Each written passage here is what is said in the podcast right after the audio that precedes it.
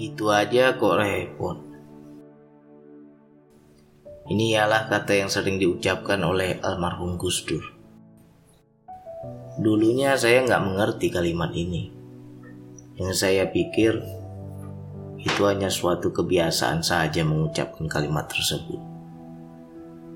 Setelah saya menjalani zikir nafas sadar Allah, saya mulai memahami kalimat Gus Dur ini. Seolah-olah Gus Dur benar-benar dalam ketenangan yang hakiki.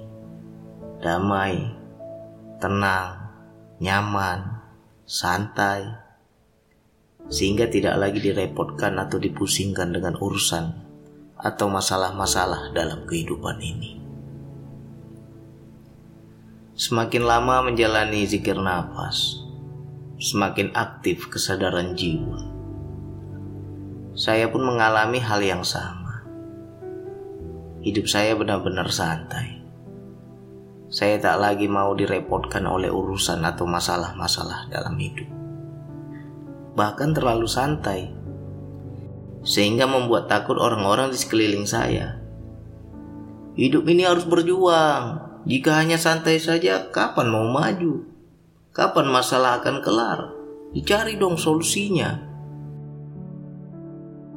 Inilah kepanikan orang-orang terdekat yang melihat saya terlalu santai. saya tersenyum dan berkata, "Santai dong, jangan panik. Gitu aja kok repot. Kan ada Allah. Ter segala masalah juga diselesaikan Allah. Tetapi kita juga harus ikhtiar, jangan diam saja. Jika diam saja, bagaimana masalah akan selesai? Begitulah bantah sahabat terdekat saya. Kok repot amat ya? Hidup harus diperjuangkan. Hati saya bertanya-tanya. Ketika segala angan dan harapan tak tercapai, kita susah, kecewa, panik, Makanya jangan banyak keinginan. Keinginan itu ialah nafsu duniawi yang membuat kita sendiri yang sengsara. Saya lebih enak memilih diam, tenang, santai. Ngapain repot-repot harus begini dan begitu? Sambungkan saja kesadaran ini kepada Allah. Ikuti saja segala perintah Allah.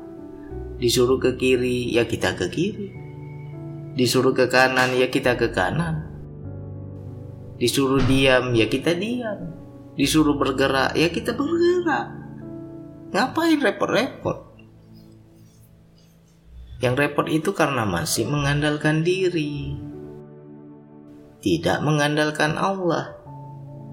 Jika kita mengandalkan Allah, pasti santai. Jika yang lain berusaha mati-matian, berjuang, meraih segala keinginannya. Saya diam saja nunggu perintah. Ya Allah, aku sudah kapok bergerak sesukaku. Kutunggu saja perintahmu ya Allah. Ketika turun perintahmu, barulah aku bergerak. Ku ikuti saja apa maumu ya Allah. Tentulah aku selalu dalam kebenaran dan jaminanmu ya Allah punya masalah, kan ada Allah yang memberi petunjuk. Bingung besok, tak tahu mau makan apa lagi, kan ada Allah yang menjamin rezeki makhluknya.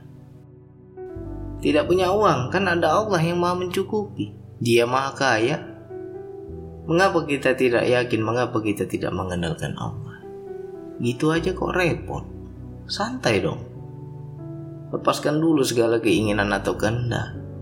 Ikuti saja kehendak Allah sungguh hidup ini tidak akan repot. Pasti santai.